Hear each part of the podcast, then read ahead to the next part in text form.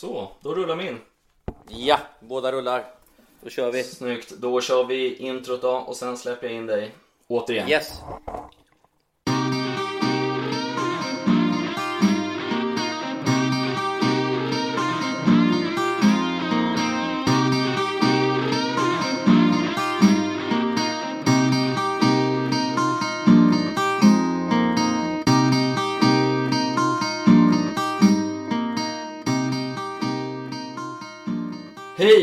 Mycket varmt välkomna till podcasten Hur gör du skillnad? En podcast som ges ut av Sveriges modernaste livsmedelsbutik, nämligen ICA Brottbyhallen. Där syftet är att träffa intressanta gäster och ta reda på vad det är som driver personen i fråga. Idag så är det jag, Martin Larsson, det vill säga mediekreatör på ICA Brottbyhallen, som sitter och rattar det här skeppet. Och med oss på båten så har vi en gäst som är ett väldigt välkänt namn i TV-branschen, men framförallt inom sportbranschen. Ni har bland annat sett honom i det kultförklarade programmet Fotbollskanalen Europa, Gladiatorerna och en mängd sportsändningar genom åren. Den här mannen är dessutom en tvättäkta paddeltennisnörd och kommer inom en snar framtid släppa en podd om just paddel. Jag pratar givetvis om Jesper Husfeldt. Varmt välkommen till podcasten Hur gör du skillnad Jesper? ja, det är en bra fråga. Eh, jag är väl främst mig själv och det är klart, jag har hittat på mycket kul i min dag så att jag har nog gjort skillnad på många sätt. Men vi kanske får läge att återkomma till det. Sen Absolut. får man väl tolka det som någonting bra eller mindre bra sen. Ja, du är efterlängtad till eh, podcasten måste jag säga. Ja, vad snällt. Det var ju nästan en sån här eh, Lennart Hyland presentation. Så eh, känner jag mig väl inte riktigt. Jag känner mig nog lite mer lågmäld som den östgöte är. Ja, men det är väl alltid trevligt att bli nästan nämnd som Lennart Hyland. ja, exakt. Nej då, men det var jättekul. Det var jättetrevligt. Tack. Ja, men eh, nu är det ju så att vi har ju faktiskt eh, spelat in ett tidigare avsnitt av det här där podcasten tyvärr inte spelades in. Ehm, för att vi har ju, vi sitter ju på varsitt håll. För du sitter i Marbella och jag sitter hemma i ett väldigt soligt Täby idag faktiskt. Ehm, Ja, vad härligt. Ja, det är skönt. Hur är vädret nere i Marbella? Ja, det kanske är lite skilda världar då, för att vi har ju haft en månads solsken i princip här. Men när regnet kommer, då kommer det i perioder. Och strax innan jul, då var det väl tre dagar i rad då det var skyfall. Och nu har det börjat småregna lite igår. Idag är det lite molnigt och det kommer så vara tror jag fram till lördag. Så att först på söndag kommer solen tillbaks. Sen får vi väl en månad minst till med så här superväder som det brukar vara här nere. Ehm, Men den stora anledningen till den här poddens existens är ju att vi vill djupdyka i drivna människors drivkrafter och vad det är som gör att gästen engagerar sig i det personen. Vad den än nu håller på med. Och eh, innan vi börjar gräva i just dessa saker så ska vi köra en klassiker i podcastformatet. Eh, Jeppe, du känner väl till podcastgreppet faktaruta? Ja, Japp, snyggt. I den här podden så heter dock inte faktaruta utan en informationsruta. Men det är i princip samma upplägg. Smeknamn? huset kan jag kallas ibland. Eller Jeppe Hus. Var kommer det ifrån? Ja, men det där hänger nog med sen sista, vad kan det vara, 20-25 åren. Jesper blev Jeppe, Husfeldt blev Hus, som sen blev Jeppe Hus. Och Jeppe Hus blev ju kort och gott bara huset sen, så att det, det har funkat väldigt bra i Stockholm på 2000-talet här, huset. Var är hemma för dig? Marbella och San Diego. Jag känner mig inte svensk i grund och botten, även om jag älskar eh, många av mina vänner och min släkt i Sverige. Jag älskar många saker med Sverige. Jag känner mig mer latinsk eller lite amerikansk sådär i, i mitt kynne. Mm, har du känt att det har hämmat dig lite när du väl liksom är uppvuxen i Sverige och är svensk på pappret liksom? Skulle, skulle du gärna vara liksom sydländsk? Nej men alltså det har ju funnits perioder innan jag hamnade i Italien första gången 1987 där jag kanske inte har känt mig riktigt hemma men det har ju med andra saker att göra. Men sen jag var i Italien 1987 och i Kalifornien 89 första gången så har jag nog känt mig lite mer som en sån som ska vara på de här breddgraderna så att jag har flyttat till Italien vid ett tillfälle. Jag bodde i Florens under två vintrar och eh, jag har hela tiden haft en längtan och en önskan att flytta tillbaka till San Diego där jag bodde. Men nu har vi flyttat, jag och min fru då, till eh, Marbella och bor här i ett par år. Vilken är den största matchen du kommenterat?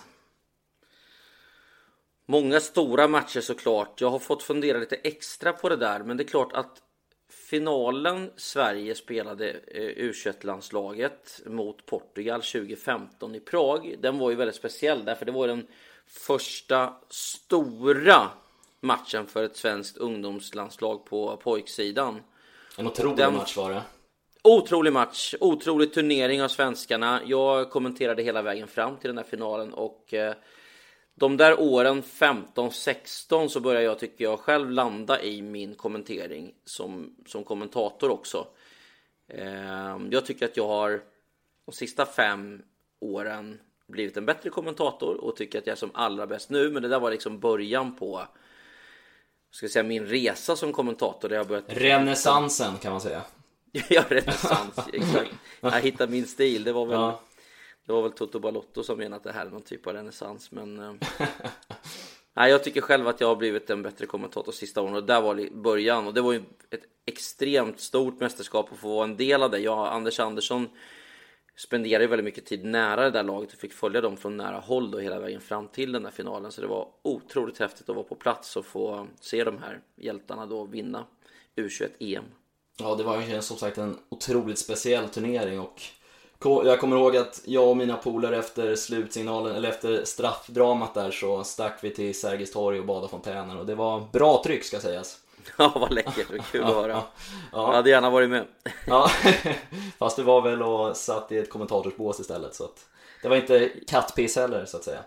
Just det, jag tog någon bild med Victor Nilsson Lindelöfs lillebror där som jag la ut på Instagram minns jag efter matchen. Han var fokuspunkt. Ja, var det hockeyspelaren eller? Eh, Victor Nilsson Lindelöf spelar väl fotboll i Manchester United va? Ja men, men hans ho- brorsa, han är väl hockeyspelare? Ja det kanske är så! Ja. Du trumfar mig där! Ja Kul! Mm. Jag, tror, jag tror han spelar i Västerås eller något sånt där. De blir väl i ja, Elitettan eller vad det heter. Ja, skulle jag uh, försöka vara lite Messerschmitt där men det gick inte. Minns du vad det stod på Sven Melanders karaktär Berras klassiska tröja i Sällskapsresan? Oj, oj, oj, Sven Melander. Ser du tröjan framför dig? Ja, det gör jag faktiskt. Uh... Jag kan tipsa om att det är en blå tröja med en text på bara. Ja, okej. Okay. Jag trodde det var en blå tröja med de här små gula kronorna på, vet du. Ja. Men någonting med Sverige, eller? Nej, inte riktigt. Vill du Nej. att jag säger det? ja, det måste ju vara något fantastiskt med alkohol kanske. Ja, nästan. Ikväll får 107 svenskar gonorré stod det på den. ja, just det. Ja, den är ju fantastisk. Du lever ju nästan lite sällskapsreseliv nere i Marbella kanske? Ja, nej men jag har ju fru sedan några år tillbaks. Vi har det jättemysigt här nere, hon och jag. Vi spelar mycket paddel och så kommenterar jag mina fotbollsmatcher härifrån då. Vi har byggt in en liten studio till mig i vår lägenhet så kommenterar jag matcherna för Simor och det är italiensk fotboll jag ägnar mig åt. Eh, jag gör matcherna tillsammans med Mattias Concha. Det är klart, nej men jag lever livet här nere, det gör jag. Jag förbereder matcherna mycket. Jag håller på att spela in en podcast just nu då som eh, inte bara din utan en ny podcast som heter Paddel Mundo som kommer att finnas nu på de plattformar där man hittar eh, olika podcasts. Jag gör den tillsammans med Johan Håkansson som har paddelfeber. Och Eh, vi rör på oss, jag och min fru. Vi gymmar så mycket vi kan. Vi äter god mat. Vi reser en del här nere i regionen och vi tar hand om våra två små katter här. Och, ja, vi njuter av livet så mycket vi kan. Min fru pluggar dessutom spanska så vi kommer liksom in i det här spanska livet mer och mer. Hur går det med eh, din spanska då? Varför kom den frågan? eh, Ja, men italienskan går bra. Den har jag ju lite i botten. Nu har jag faktiskt kommit så långt i spanskan så att jag hör liksom. Jag kan dela upp varje ord i alla meningar och eh, förstår en del av spanskan, men jag vet inte hur mycket jag ska säga att jag förstår. Säg att jag kanske är uppe någonstans lite beroende på eh, vad man pratar om då, men jag kan ta mig fram lite på spanska och jag kanske förstår mellan ja, 30-40% nu av det de säger. Och ibland förstår jag allt faktiskt, men det beror på i vilket sammanhang. Eftersom den här podden ändå görs av en ICA-butik så måste det komma en ICA-relaterad fråga i informationsrutan. Så därför undrar jag, ICA-Ulf eller ICA-Cindy? Oj, de var svåra de där hörru. Ja. Kan Ica-Ulf vara en Marbella-karaktär eller? Ja, det är väl Paul Tilly va? Ja, då så. Ja, men då, då tar vi eh, Paul Tilly här då. Så han bor nere i Marbella? Han håller till här väldigt mycket. Jag tror faktiskt han bor här. Jag sprang på honom här på ett café nyligen eh, nere i Nueva Andalusia. Så att ja, jag tror faktiskt Paul Tilly bor här nere. Är det så att ni kändisnickar till varandra?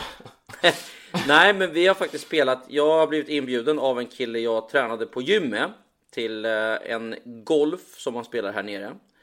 Eh, och vi har faktiskt varit med på samma arrangemang vid något tillfälle och känner inte varandra men känner igen varandra via den där golfen. Men någon typ av kändisgolf var det ju så att ja, vi får väl checka i den där boxen.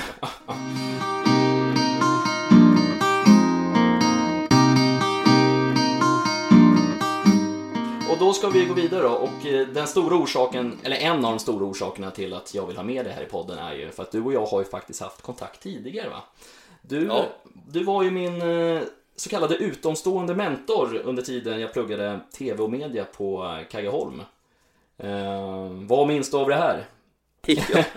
eh, jag hade gärna bidragit mer, men det var vid ett par tillfällen du och jag hade kontakt och jag hoppas att du fick med dig någonting av de här mötena som vi hade och den kontakt vi hade med varandra. Men det var ganska sporadiskt kan man säga, så att eh, min insats var inte så stor tycker jag Martin. Nej, men vi, jag tror vi mejlade kanske 6-7 gånger under två års tid och träffades två gånger, så det var i alla fall någonting. Ja, vad bra. Det var ju någon gång också som jag skulle möta upp dig och inte ens dök upp där. Det var ju inte så snällt.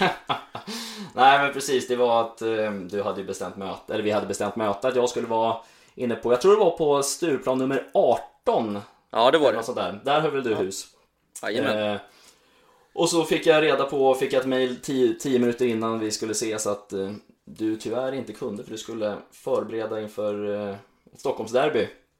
Ja, Martin, då du var- är en av de få som, som man har kontakt med via mail också, måste jag tillägga. Ja, jag vet. Alltså jag använder inte mail vanligtvis, men jag vet inte att det faller naturligt här emellan oss. Det, Ja. kän, det, kän, det känns som en proffsig kontakt liksom. Men vi kan börja köra S- sms istället. Ja, men vi känner varandra via mail kan man säga. Brevvänner skulle man kunna säga nästan. Ja, Ja. Men hur är det då liksom med de här förfrågningarna att, att agera mentor till mediestudenter? Hur, hur har det sett ut under din tid? För jag tänker att du måste ju ändå ha fått, fått en del under årens gång. ja alltså jag gick ju från Kanal Plus eh, 2007 till en större kanal då, TV4 och var ju mycket i, kan man säga, i ropet eller? Eh, Eh, jag var i alla fall med i många tv-produktioner där under en period. Jag gjorde Club Calcio, ett italienskt fotbollsmagasin. Som du sa, fotbollskanalen Europa. Jag var med och gjorde Gladiatorerna ett tag eh, under några år som kommentator där. Och ja, men jag fanns med på stora plattformar. Jag hade någon blogg på Fotbollskanalen. Jag fanns med på Twitter och det var Instagram hit och dit. Och då var det nog många människor som fick tag i mig under de åren. Och då fanns det en del som jag kunde liksom hjälpa med mina tips. En kille som heter Johan Sjögren. En tjej som heter Petra Svensson som hamnade på eh, Radiosporten och, och jobbat där i många år och gjort det väldigt, väldigt bra. Så att jag har haft ett gäng som jag har hjälpt under åren och eh, haft lite kontakt med och så, där. så det har varit väldigt kul. Linus Gunnarsson är en tredje kille som, som jag haft kontakt med en del de här åren. Ja, men vad är liksom ditt bästa råd då till en ung student som vill ge sig ut i stora stygga världen och ge sig in i den här branschen? Ja, det finns kanske inte ett enskilt råd, men det gäller ju att vara påkopplad i alla fall. Jag kände i alla fall själv som ung att vad jag än gör så kommer jag lyckas. Det hade jag liksom en stark känsla av. Eh, sen är det klart, jag ville ju vinna Wimbledon när jag var ung som tenniskille, men det fattar man efter ett tag att det kanske inte funkar. Men när det gäller sånt här som vi har sysslat med så, så har det liksom varit, ja, det har varit lättare att, att liksom bygga karriär på det här sättet. Och mm, ja, men man måste vara på tror jag. Man måste lägga mycket tid och inte vara rädd för att liksom smuts, smutsa ner sig lite grann. Liksom, det spelar ingen roll vilken plattform man börjar på utan börjar man långt nerifrån, kämpar som en dåre, visar upp sig, hörs, syns, gör det bra, då, då finns det nog större chanser idag än, än när jag växte upp utan alla de här sociala medierna och så. Mm. Men var kommer den här liksom känslan från att du hela tiden försöker att liksom bli bäst i det du ska göra? Ja, eh, det är klart att det du nämner är jätteviktigt för mig att de här sakerna som jag har sysslat med när det gäller kommentering och så. Jag vill ju kunna vara den bästa, bästa upplagan av mig själv så att jag såg ju tidigt att om jag ska jobba med det här då måste jag ju liksom titta på den som är bäst i branschen idag och vara minst lika bra själv. Eh, för att kunna se mig själv i spegeln. För att kunna känna när, när jag har jobbat färdigt med det här när jag blir lite äldre. Då ska jag kunna känna att jag har maxat så att säga på den här plattformen.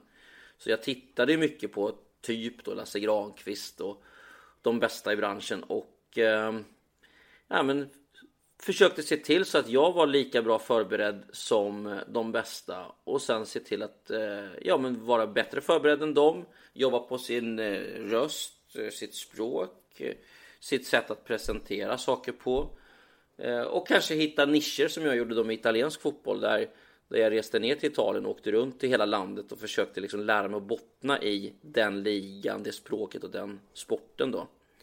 Förkovra mig själv helt enkelt. Jag vet inte om jag har någon speciell trigger men, men det var ju för mig har det varit en självklarhet att försöka vara den allra bästa upplagan av mig själv i det jag gör. Har du tagit hjälp av några förebilder som du har haft eller något sånt där?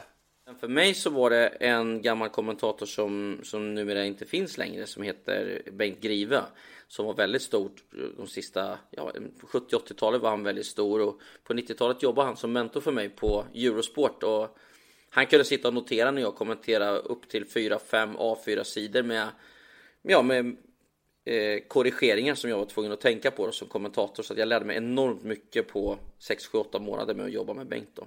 Och vad kunde det vara för typ av punkter han tog upp då? Ja, en, en puck ligger aldrig lös utan den ligger fri exempelvis. Det, det, är väl, det är väl någonting. Det heter inte omständigt, det heter omständligt. Så att det är egentligen en felsägning. Det var ja, uttal.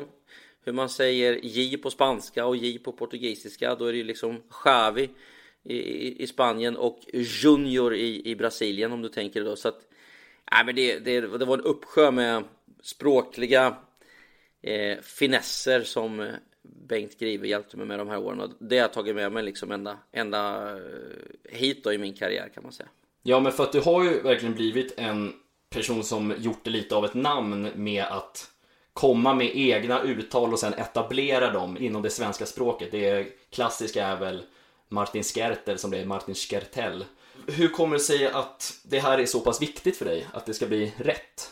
Nej, men det, det, det är ju en självklarhet egentligen och eh, jag vet inte om det har blivit etablerat just namnet du nämner där, men det var en diskussion där med Gusten Dahlin på Toto Balotto. Han hade twittrat om det en gång i tiden. Han, var, han blev så väldigt irriterad för att jag uttalade hans namn som det ska uttalas, alltså rätt. Eh, men om man har uttalat ett namn fel i Sverige, han heter ju då Skertel i Portugal, eller jag säger förlåt, i, i, i Slovakien, i Slovakien. Eh, varit lite kul. Men, men om, om, det, om ett namn har uttalats då annorlunda i, om vi då tar Sverige som exempel, i tio års tid och det har etablerat sig, varför ska då någon komma in och ändra på det? Det var det som då Gusten blev förbaskad på. Jag tycker aldrig att det är för sent att göra rätt. Så att eh, jag fick ju tidigt lära mig också av Bengt Grive att man ska ligga så nära det korrekta uttalet som bara går utan att man ska överarbeta. Eh, så att för oss som kom, jobbar med det här så tycker jag att det är en självklarhet eh, att, eh, att man ska göra rätt helt enkelt. Det är ju inte för att knäppa någon annan på näsan utan det är bara för att man har respekt för spelaren, individen och, och ja, den, den människan som utövar sporten då. Att komma så nära hans eget uttal som möjligt. Mm. Men hur jobbar du då för att det ska bli rätt? Hur, liksom, hur gör du din research? Alltså det finns så många sätt, men du vet när vi har ett VM-slutspel exempelvis. Förr i tiden då fick man ju ringa runt till ambassader eller ringa kompisar som var från de här länderna och sådär och, och, och, lära sig eller ja, men, liksom leta kanske i sin kompiskrets eller på jobbet eller runt omkring efter någon som var från Ryssland eller Tyskland eller Nederländerna. Mm. Men idag så blir vi försedda med eh, olika typer av ja, det finns internetsajter. Jag vet att Marka hade någon sån. Den stämde faktiskt tyvärr inte till 100 procent. Men där de hade alla länderna då eh, med en person då som skulle representera varje land. Så hur det låter liksom på, in, på det inhemska språket eller? Ja. Ah. Eh, nu visar det sig en del av de där uttalen var fel ändå, men då hade man i alla fall en bas att utgå ifrån. Men då kan man då dubbelchecka sen. Det finns numera en hemsida som är väldigt bra på det där som heter Forvo. Och där okay. finns det en massa människor då som kan prata in de här uttalen och så finns de då på olika språk och så. Så att eh, det finns olika sätt idag att ta in det där på. Mm. Men eh, i och med att det är jag som pratar inför en, två eller tre miljoner ibland eh, mm. på TV4. Då tycker jag att det minsta man kan begära av mig det är att jag säger rätt. Eh, och det är på samma sätt för oss tycker jag viktigt som jobbar med det här som det är för de som jobbar på en tidning att stava rätt om någon har stavat fel i tio år bör man inte fortsätta göra det utan bara se till att korrigera det till slut. Ja, det är sant. Ehm, Tycker jag. Ja, men det låter ju bra. Då hade jag tänkt att vi ska testa dig på lite olika namn. Där jag kommer uttala namnet som en vanlig svensk, en vanlig Svensson skulle ha sagt det. Där du ja. sen ger din bedömning om hur det korrekta uttalet är helt enkelt. Ja. Ehm, fattar du hur upplägget ser ut? Jag hoppas det. Ja, bra. Då börjar vi med den första då. Uh, Juventus målvakt Wojtek Chesney skulle det svenska uttalet vara. jag förstod att den skulle komma direkt. Nej, men det är faktiskt, det, det är faktiskt så att eh, när han kom till England då, det är en polsk målvakt som kom till England, eh, så hade han ett, ett namn som var lite för svårt att uttala. Och eh, Chesney är ju egentligen ett engelskt förnamn. Eh, och det bästa britterna då kunde göra var att bara rakt av kopiera förnamnet Chesney. För att det står ungefär så på hans tröja. Det är inte riktigt lätt att se vad det står heller. Nej, Men han det är S, Z, C, Z i början. ja, det är tufft. Men han heter på polska och hans eh, korrekta uttal är Stensny. Stensny. Mm. Mm. Ja, men snyggt. Då går vi vidare till nästa namn då. Bra, bra förklaring för övrigt. Ja, eh. eh, lite, lite, udda, men så där gör britterna. Det är roligt att italienarna har hängt på och det har många svenskar gjort också, men det är egentligen bara en brittisk förenkling det där med Chesney. Mm. Ja. Då, då går vi vidare till en annan polack. Eh, som en vanlig svensson skulle sagt, Kristoff Piatek. Ja, just det. Ja. Det var ju faktiskt Milan-forwarden. Ja, det var ju faktiskt så att många internationella kommentatorer i många länder också kolla, kallade Krzysztof Piontek för just Piatek när han flyttade till Genoa första månaderna. Men eh, Piontek själv fick ju korrigera då journalistkåren och eh, sen dess och sen han eh, kom till Milan så har han ju varit Piontek med alla. Ja, men jag tycker det ändå har satt sig ganska bra med Piontek. Det, det är faktiskt till och med skönare att säga det än Piatek. Ja, Stensny, det sitter inte riktigt än. Nej. det, det är nog fortfarande Chesney på många håll, men ja, det är okej okay för mig. Ja men så det var alltså att Piontek sa det till journalisterna i Italien alltså, hur hans namn skulle uttalas? Alltså ibland är det så att spelaren själv får säga till eh, och ibland är det så att någon duktig journalist ställer frågan hur ska ditt namn egentligen uttalas? Sen sprider sig det där i journalist, journalistkretsar. Mm. Okej, okay. alright. Då går vi vidare till nästa namn. Mm. Eh, holländaren Dirk Kuyt. Ja. Hur uttalas det? ja, det var faktiskt Kuyt eh, länge i Sverige och... Eh... Ja, jag har för mig att det var du som etablerade i VM 2010 något nytt uttal på honom. Ja, just det. Nej, det var väldigt lång research för att ta reda på vad han faktiskt heter och, det är lite halvrörigt tycker jag. Men det, stav, det, det uttalas egentligen K-Ä-U-T. Så att det, han heter egentligen Dirk Kaut. Kaut alltså. Mm. Mm. men, men jag tycker liksom det du säger, Köjt, det funkar väl det också. Men uh, hans, hans riktiga uttal om du frågar honom själv då, eller i Nederländerna så är det, det K är nästan som ett K som du suger in. Mm. Alltså det är inte, vi trycker ut våra K. Men i, i Nederländerna så är det nästan så att de suger i sitt K. Så att egentligen så är det väl Dirk Gout.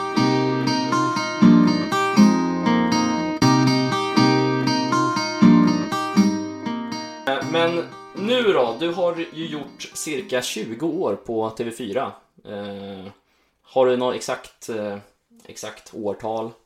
Som... Ja, Kanal Plus började jag på 1999. Började i mars. Så att, eh, det ja, blir, blir 21 år då?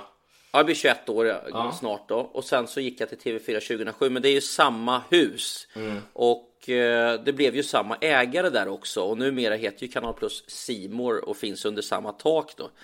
Det tog många år innan de här organisationerna slogs ihop efter att det blev samma ägare. Men nu är det ju samma då kan man säga.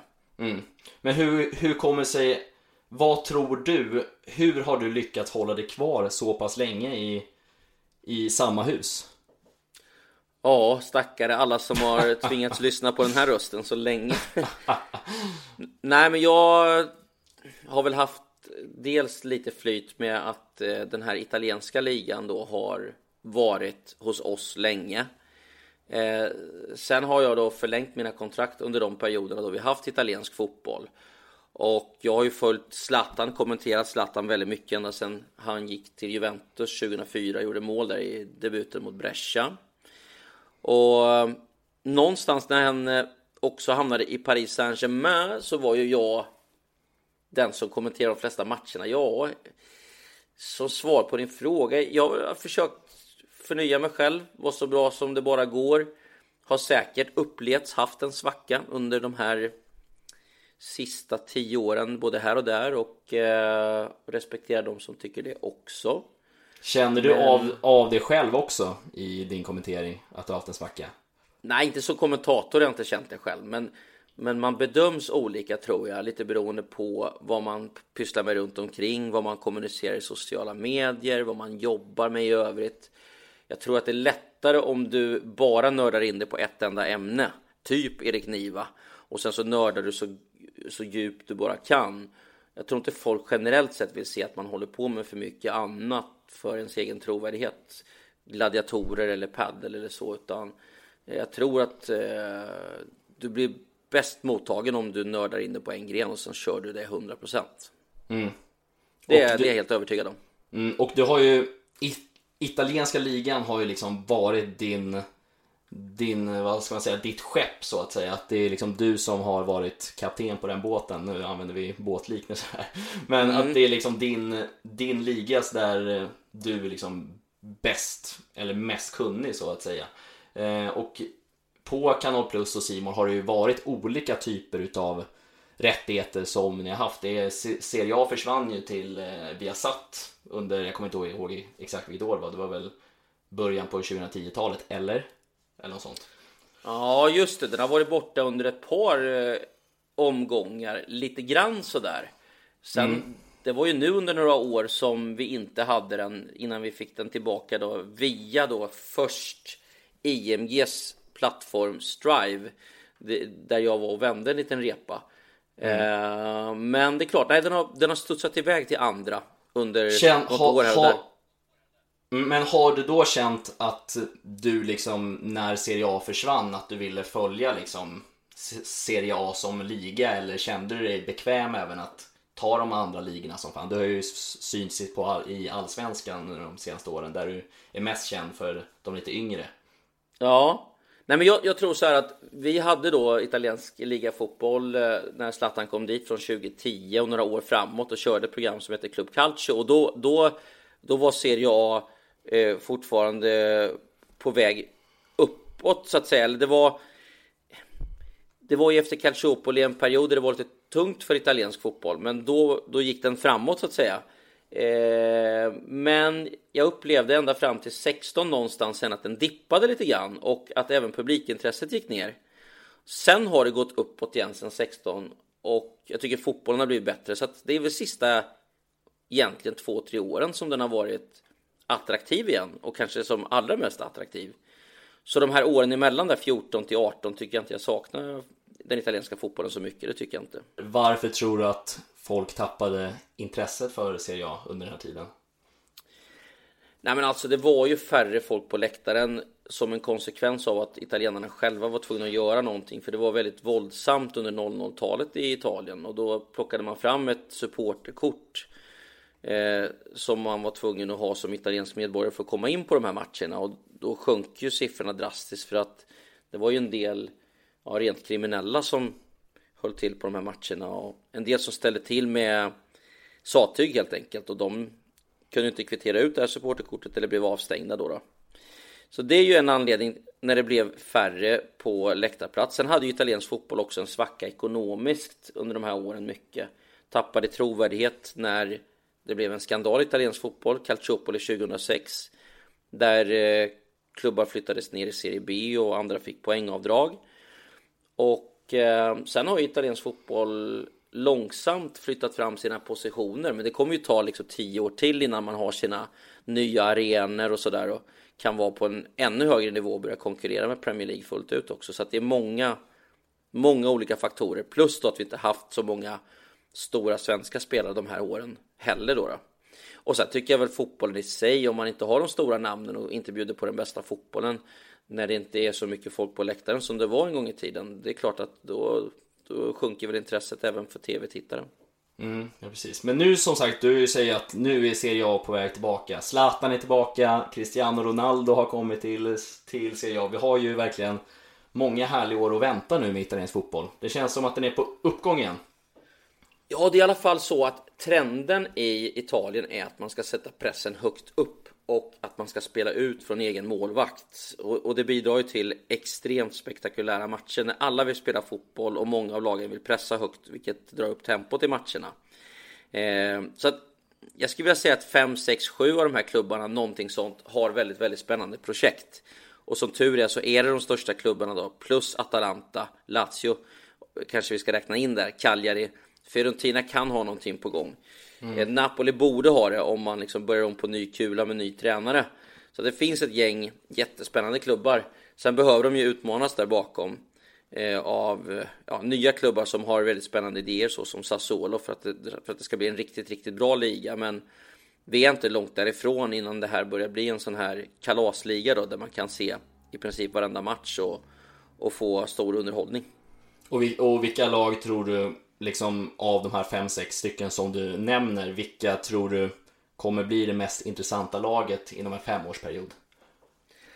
Jag nämnde ju Atalanta. Ja. Eh, det som har hänt med dem, eh, Bergamo ligger ju bara några mil från Milano och det är ju en provinsklubb. De ser sig själva som en provinsklubb. Men det finns en väldigt bra president där. Det finns en stark sportchef och en bra tränare som heter Gasperini som har fått bygga några år och de har varit så skickliga på att scouta spelare billigt. De vet precis vad de är ute efter. De har exempelvis en spelare som heter Gåsens som är tysk som de hittar i Herakles i eh, Nederländerna. Han kostar 900 000 euro. Jag vet inte hur mycket han kostar idag, men han, ja, men han kostar minst en kvarts miljard. Eh, så att en värdestegring på runt 10 miljoner upp till 250. Du vet, och de har många sådana spelare, plus att de hittar spelare som börjar närma sig 30 men som ändå är på väg att pika i sina karriärer. Som de inte behöver sälja men som ändå kan dominera i nästan vilken toppliga som helst. Papo Gomez är väl ett solklart exempel där. Ja, bästa exemplet. Och eh, du har även Ilicic där framme som, som är nästan, ja, en del tycker till och med att han är på en ännu högre nivå. Men de har extremt hög högsta nivå de här som du nämner då. Och under Gasperinis ledning. Sen är det så att de har spelat Champions League-fotboll. De är nu i åttondelsfinal. De har stor chans att ta sig vidare och slå ut Valencia. De hade Dejan Kulusevski i, i, sin juniorverksamhet. Lånade ut honom, sålde honom för... Ja, det kan bli uppemot en halv miljard för Kulusevski. Så att båda, både Champions League-äventyret och Kulusevski-försäljningen ihop kan inbringa en miljard. Och eh, då kan man bygga vidare på det man redan har och dessutom håller man på att bygga på sin arena här nu som blir större till, till eh, ja, under nästa säsong då, då. Så att det är en klubb på stark frammarsch. Men tror du att då att Atalanta kommer kunna bli en så här stor varg inom Serie A? För att man pratar ju alltid om, det är ju Milan, Inter, Juventus, Roma, kanske Lazio är med i de dis dis diskussionerna också, även Fiorentina.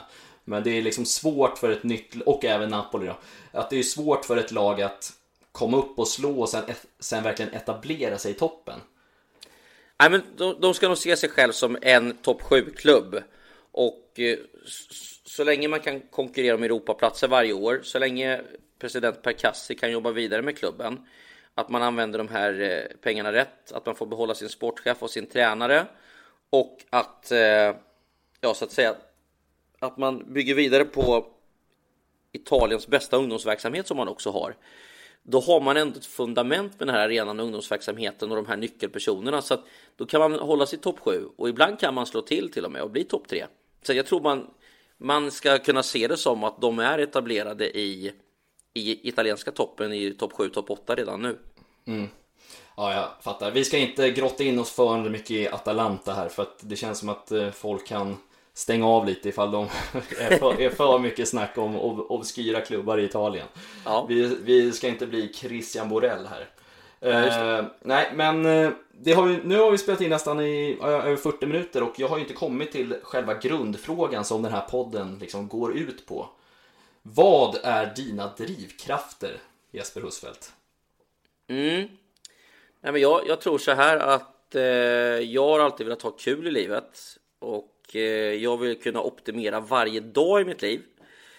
Så jag har satsat på sånt som jag älskar. Jag älskar fotboll, jag älskar kommentering, jag älskar paddel.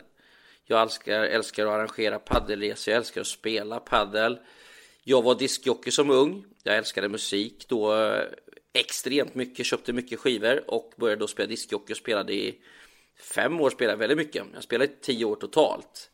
Så jag har alltid liksom använt mina passioner, gått den vägen och sen gjort så mycket jag kunnat av det. Eller så mycket jag kunnat, men jag har gjort mycket av det i alla fall. Och eh, försökt njuta av varje dag. Kunnat ja, vara i en miljö som är Marbella. Jag har rest mycket i min dag. Eh, sett många platser, träffat mycket människor. Eh, ja, ätit mycket god mat och druckit mycket gott och sådär. Så jag försöker liksom samtidigt som jag då försöker hålla igång, träna, hålla igång kroppen så så vill jag uppleva någonting och, och sådär varje dag istället för att kasta bort en massa tid i onödan. Mm. Skulle du säga att det här alltid har varit en drivkraft för dig eller har det kommit med åren så att säga? Alltså jag är ju en livsnjutare ända ut i fingerspetsarna. Eh, när jag blev det, jag vet faktiskt inte riktigt, eh, men jag har väl känt att jag sen 25-årsåldern har haft lite mer av de här verktygen för att kunna leva drömmen så att säga. Sen mm. har väl sista åren har jag väl spetsat till det där skulle jag säga under 10-talet från 2011 och framåt. Så att sista 10 åren har jag ju kunnat verkligen leva ut så där som jag vill och som jag alltid har drömt om. Mm. Och, vad, och vad har du då för liksom tips till mig till exempel kan vi ta som exempel att jag vill ju ge mig in i den här tv-branschen och kommentera förhoppningsvis i framtiden. Men det är liksom ganska svårt att få det här sin passion till sitt jobb. Hur liksom ska man jobba för att nå dit så att säga? Ja, men, du kan ju sätta upp ett eller flera mål då. Alltså, det spelar ju ingen roll vad det är för mål. Om du har ett mål arbetsmässigt, då måste du se det målet allra längst bort. Eh, och för att nå det målet så måste du sätta punkter, tycker jag, mellan eh, slutmålet och dig själv och där du står idag. Så lite delmål skulle man kunna säga? Ja, alltså sätt ut ett gäng isflak som du måste studsa på innan du når till den där ön där ute som du är ute efter. Och sen eh, liksom prickar du av isflak för isflak och till slut är du ju framme. Men det gäller att ha den målbilden klar och inte vika av från den vägen utan bestämma sig för att jag ska vara där. Men då måste man också välja någonting tror jag där man så att säga har 100% kontroll på läget. 100 får man ju aldrig för det, man vet ju aldrig vad som händer med hälsan och så men där du har så stor möjlighet som, som det bara går att kunna påverka det här själv då. I tv-världen kan ju inte jag riktigt i slutändan påverka vilka jobb jag får utan jag kan ju kämpa på så hårt jag bara kan och vara så bra som det bara går men det är inte alls säkert att jag får de här uppdragen som jag drömt om ändå för det är i slutändan liksom en chef som ska bestämma vad jag ska jobba med. Mm. Och hur har du jobbat då för att få, få komma till det här att du, får, du kan spela padel på dagarna, du bor i Marbella och liksom kommentera på kvällarna. Hur, liksom, hur har det liksom sett ut rent eh, dina delmålssätt? Ja, egentligen så är väl det, man måste ju ha lite flyt på vägen som jag har haft i det här fallet då för att mitt kontrakt var ju på väg att gå ut med eh, TV4 och eh, det fanns ett läge för mig att förlänga, men det fanns aktörer utanför som kunde ge mig bättre villkor. Och då fick jag ju med lite flyt då bättre villkor hos en annan aktör som eh, då hette Strive som var en app där man kunde se italiensk fotboll. IMG ägde den, hade köpt italiensk fotboll. Och för att kunna locka över mig så sa de du kan sitta och göra din fotboll precis var du vill. Och då sa de som förslag kan du sitta i Marbella så ser vi till att fixa en utrustning åt dig. Och det gick ju jag med på. Så den grejen, är det lite tur liksom. Men eh, när det gäller just italiensk fotboll, jag fick reda på 99 av min chef eh, när vi gick på löparbanorna på Nya Ullevi där att, att vi hade köpt italiensk fotboll och, och i den sekunden så så kom jag på eller, eller liksom såg tillbaka på vad min pappa hade sagt till mig. Han sa att um, gör dig oumbärlig inom någon gren när du jobbar där ingen kan slå dig på fingrarna uh, så kan de inte göra sig av med dig i princip. Och då tänkte jag att italiensk fotboll skulle bli min då för att Niklas Holmgren hade redan NHL. Han och Anders Fredriksson hade Premier League och allsvenskan kommenterade Arne Hägerfors just då. Mm.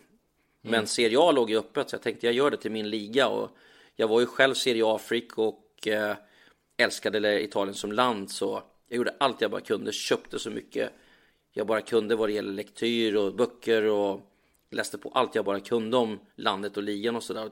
Därifrån kunde jag liksom bygga min profil då. Ja, det var ett väldigt fint tips utav farsan måste jag säga. Det var, det låter bra. Det, det ska jag ta med mig i framtiden.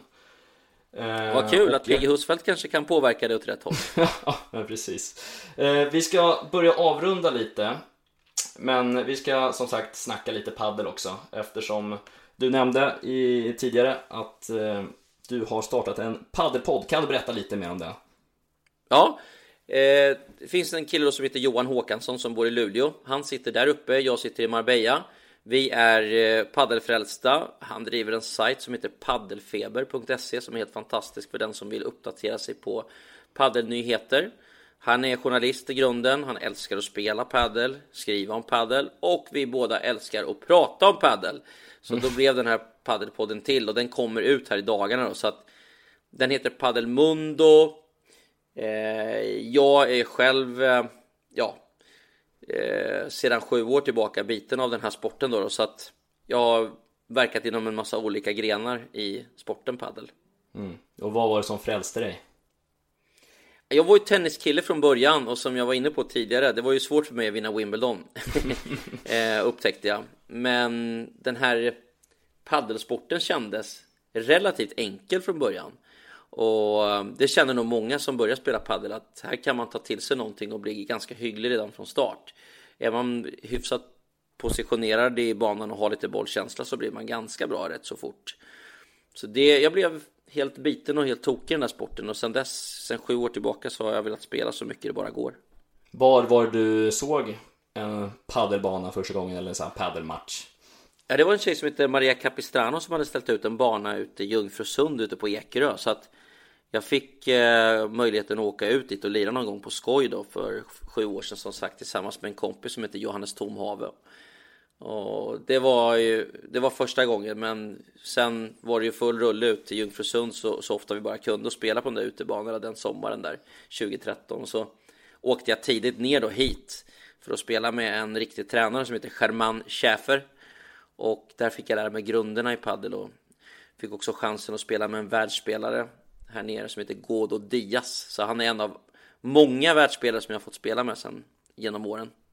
Ja, det låter ju häftigt. Vad, vad kände du dig press, pressad då att du skulle leverera när du hade en världsstjärna bredvid dig?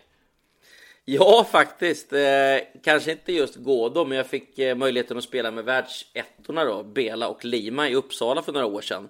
Och då kände jag precis det där som du uttrycker, att eh, jag var så nervös att jag jag såg ut som en nybörjare faktiskt i det där passet. Jag visste inte vad jag skulle göra. Jag var helt paralyserad ute på banan. Allt det där som var så enkelt annars var, blev extremt svårt faktiskt när vi mötte Bela och Lima. Ja. Men, men eh, podden då, Paddelmundo. Eh, vad pratar ni om i första avsnittet? Det blir en del eh, avhandling av eh, World Padel Tour som inleds här i Marbella första veckan i mars där vi ska prata om de nya paren, de nya konstellationerna. Vi pratar om de bästa spelarna i världen. Vi pratar om ett slag som man sällan tänker på så mycket. Eh, vi går igenom lite grann på den svenska touren och nyheterna hemma mellan svenska spelare och sen lite allmänt om paddel, lite paddeltips och vår egen paddel såklart. Mm, spännande, så då tipsar vi alla lyssnare att lyssna in Paddelmundo. När var det första avsnittet skulle släppas? Kommer i dagarna så att det, det kanske är redan ute när, när, när vi pratar om det här. Ja, spännande. Men då Jeppe så ska vi faktiskt avsluta det här avsnittet. Eh, kul som sagt att vi kunde få till det här och speciellt att spela in med tanke på att jag är van att man sitter öga mot öga hemma hos någon. Men här sitter du i Marbella och jag i Täby, vilket gör att det är kul att vi kunde lyckas få till det här i alla fall. Ja, jättebra. Det var eh, jättekul att snacka med dig Martin. Ja, eh, har du några, några sista välvalda ord att säga till alla lyssnare? Något tips eller något sånt där som de ska göra? Våren är snart här. Kasta er ut så fort ni kan och eh, lira utomhuspaddel. Det är det roligaste som finns. Det är mina slutord. Snyggt Jesper. Då säger vi ja. tack till Jesper Husfeldt. Tack för att du ville vara med och till alla er lyssnare. Tack för att ni har lyssnat. Vi hörs igen nästa torsdag. Hej då!